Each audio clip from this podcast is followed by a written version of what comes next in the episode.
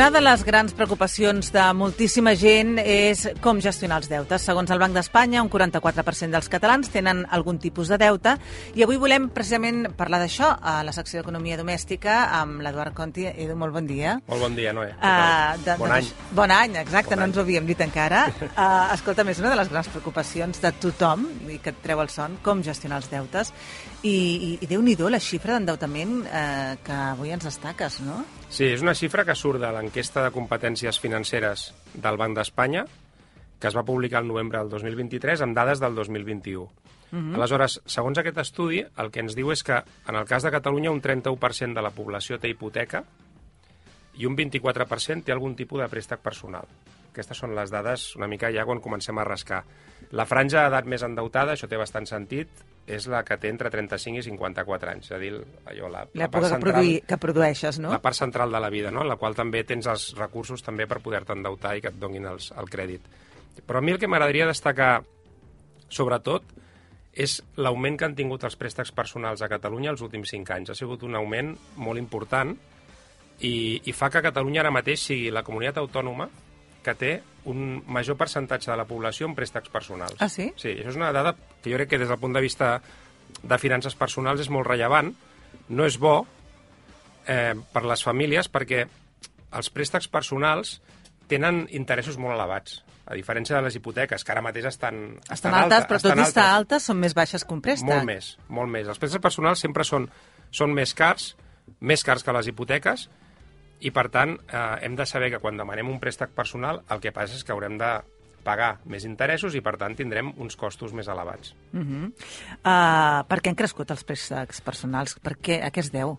Mira, jo crec que pot ser per dos factors, no? El primer és un del que n'hem parlat molt en aquesta secció els últims dos anys, que és la inflació.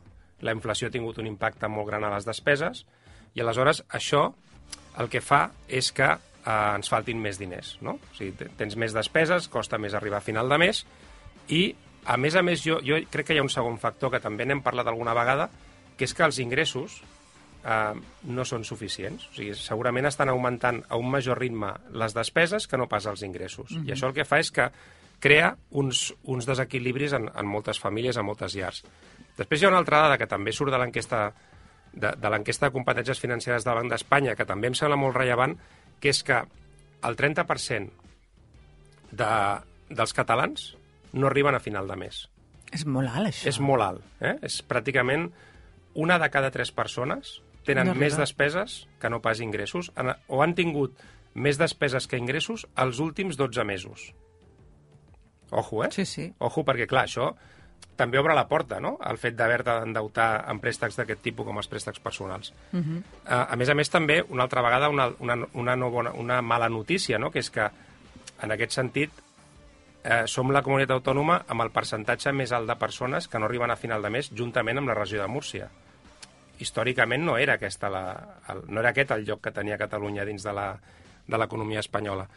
Um, llavors, quines són les tres coses que més fem les persones quan no arribem a final de mes? Ni idea. Digue'm en alguna. Quan Què- no arribes a final, t'endeutes més, podria ser. Una seria exactament ens, eh, ens endeutem, demanem un préstec, eh, també consumim... El primer Clar. que fem és consumir estalvis. Exacte, abans els, d'endetar-te, gastes el que tens. els qui tenen estalvis. Sí. No tothom té estalvis, però qui té estalvis, el primer que fa quan no arriba a final de mes és consumir estalvis. En, segon, en segon lloc, una cosa que passa molt al nostre país és que es demana ajuda als familiars. Mm. Això és molt habitual. També se n'ha parlat molt, eh, de com estan ajudant les generacions més grans, les que són ja... N'hem parlat també aquí. estan cobrant una pensió de vegades. Mhm. jubilació, com estan ajudant a les seves famílies a arribar a final de mes a cobrir necessitats bàsiques, no anar-se'n de vacances, no, no, a cobrir necessitats, a pagar escoles, a pagar compres, etc. no? Uh, I el tercer lloc és aquest que tu has comentat, no? que és el que avui, del que estem parlant avui, que és demanar un préstec per cobrir aquest dèficit. Um, o sigui que jo crec que sobretot podem concloure que els préstecs personals, és una, una hipòtesi, eh, però jo crec que té molt sentit, que els préstecs personals han augmentat perquè hi ha moltes més persones que no arriben a final de mes. I si estem entre aquest 44% de catalans endeutats, què hem de fer? Mira, ha, quan tenim deutes, mm? amb independència del nivell de deutes, hi han dues coses que sempre hem de fer. La primera és fer una llista de quins són aquests deutes. I en aquesta llista el que hem d'apuntar és quin és l'import de cada deute, quan ens queda per pagar, quin és el tipus d'interès que estem pagant, quin és el venciment d'aquest deute i quina és la quota mensual que estem pagant. Val? Això el que ens donarà és una idea de quina és la situació a nivell d'endeutament. Quina és la situació que tenim, veurem quin és el deute total, quan devem, i també quin és el pes que té el pagament d'aquests deutes en el nostre pressupost, perquè al final la suma de quotes mensuals el que fa és dir-nos quin esforç estem fent com a persona o com a família a l'hora de pagar aquests deutes. Llavors, primer punt, fer una llista dels deutes, molt important. Sembla molt obvi, però, no és, però m'he trobat moltes persones que... Que diu, diuen, no sé què dec, no sé. No sé què dec. Sí, Totalment, sí. eh? I inclús... Però a vegades és per por de mirar els números a la per cara. Per por de mirar, però inclús també hi ha una cosa que... A vegades preguntes, escolta, i aquest deute quin venciment té? És un, és un préstec de 5 anys, de 6 anys? Ostres, no me'n recordo. Dius, una cosa tan important com aquesta, a vegades la fem, en el moment que la fem, veiem quina és la quota que haurem de pagar al mes i, escolta, i ho anem pagant cada mes i ens oblidem d'això, quan és un tema crític per les finances d'una mm. família o d'una persona. Llavors, Després de fer la llista dels deutes, el segon que hem de fer és estudiar quin és l'impacte dels deutes mm -hmm. en el nostre pressupost eh, personal o familiar. Llavors, les preguntes que ens hem de fer, podem pagar els nostres deutes actualment? O sigui, estem tenint aquesta capacitat per pagar els deutes? Eh, ho podrem seguir fent en el futur? Perquè, clar, eh, potser tenim informació sobre els propers mesos que fan que ja puguem avançar-nos a que tindrem problemes per pagar els deutes, no? Um, I pot ser perquè hi ha una revisió de l'Euríbor i tenim una hipoteca, o pot ser perquè ja ens han dit a l'empresa que estan trontollant alguns llocs de treball, potser perdem la feina i ens baixen els ingressos, etc. No? Tot això té un impacte a l'hora de poder pagar els deutes. Llavors, si tenim problemes freqüents, habituals, a l'hora de pagar els deutes, i si estem dedicant més del 40% dels ingressos nets a pagar deutes, Aleshores, en aquí hi ha molts indicis de que tinguem un problema de, de sobreendeutament, d'accés de deutes. I què fem si tenim aquest problema? Clar, aquesta és la gran pregunta, no? Exacte, la pregunta. Aquí hem de fer diverses coses. El primer que hem de fer eh, és, és intentar aturar l'endeutament, és a dir, no, no fer la bola més gran. Això no sembla també, tornem amb les obvietats, Una evidència, però, però no. No sempre passa, eh? Sí. A vegades dius, home, ja que estem així, de, de, per ja una mica més que m'endeuti ja, no. Ja no. Sí. El problema ja és tan gran. Li perds la por, també, el deute. Exacte. Bueno, ho converteix en... Jo, jo he vist persones eh, que, estan, que han creat un hàbit d'endeutament. Mm. O sigui, així com l'hàbit... Acaben de pagar-ne un i ja... Clar, hi ha, hi ha l'hàbit de l'estalvi i també hi ha l'hàbit de l'endeutament. Sí, jo sí. m'he acostumat, el meu cos s'ha acostumat des de fa 20 anys, 30, 15, 10, ende estar endeutat. Mm. Aleshores, quan es redueix el meu endeutament, no ho celebro, vaig corrent a, a tornar-lo a augmentar tornar el endeutament. No? Llavors això, eh, important. Per tant, no demanar més préstecs. Uh -huh. eh? Mhm. També vigilar, ara que estem en a plena època de rebaixes, no, no demanar o no fer compres a terminis, encara que siguin sense interessos. Una compra a terminis és un deute, uh -huh. és així. Eh? Encara que ens, ens diguin, no, però si al final el que estàs, estàs pagant el mateix que pagaràs, però ho fas amb 12 mesos, no, és, igualment és un deute. Després, una cosa també important que té a veure amb la psicologia, amb les emocions, és no evitar el problema, no evitar el problema uh mhm. -huh. i actuar amb el cap fred. O sigui, tenir el cap fred. Hem de, hem de reconèixer que tenim aquest, aquest problema i aquesta situació.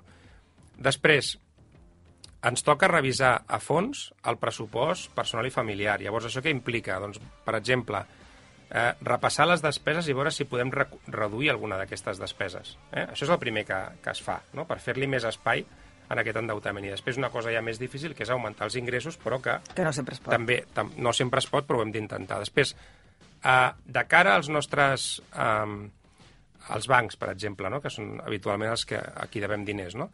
intentar negociar el deute. Eh? Un cop eh, tenim aquest, a, a, aquest reconeixement d'una dificultat per pagar el deute, és important que anem a parlar amb el banc, amb els nostres creditors, i veiem què es pot fer per reestructurar aquest, aquest endeutament. Si hi ha alguna opció, no? doncs, doncs que, que ens la plantegin, perquè això el que podria fer és reduir les quotes mensuals. És veritat que augmentaríem el termini, que això tampoc és bo, però si tenim realment una emergència hem d'actuar com a tal, no? reconeixent l'emergència.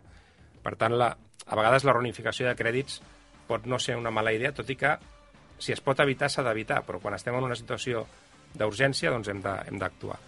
I finalment també hi ha una figura que, que jo crec que cada vegada la societat coneix més, que és la llei de la segona oportunitat. Mm -hmm. Quan les famílies, les persones, estan endeutades i no tenen capacitat econòmica per tornar aquests deutes, hi ha un jutjat a, a Barcelona, per exemple, que, Que eh, està especialitzat amb la llei de la segona oportunitat. Llavors, igual que les, que les empreses fan concursos de creditors, quan ja no tenen capacitat de pagar en, en els seus proveïdors, doncs també les famílies tenim, tenim aquesta, aquesta possibilitat. No? Si complim determinats requisits, doncs podrem declarar-nos insolvents i se'ns poden condonar total o parcialment els nostres deutes. Mm Mhm. Per tant, hem de tenir en compte que eh, a vegades les coses poden anar pitjor si no Mhm. li posem remei a temps. Això és molt important de veure. Totalment. I després poden anar millor si potser li posem aquest remei a temps. Clar, el que és important és, sobretot, ser conscients de que tenim un problema, perquè a vegades el problema el teníem a sobre feia molts mesos, inclús anys, però comencem a actuar massa tard. Com més aviat actuem, millor. Doncs, eh, Eduard, com sempre, moltíssimes gràcies. Si voleu seguir l'Eduard, el trobareu a contieconomia.com. Doncs moltíssimes gràcies, Eduard. A tu, vagi bé. La primera pedra, dissabtes i diumenges de 6 a 7 del matí.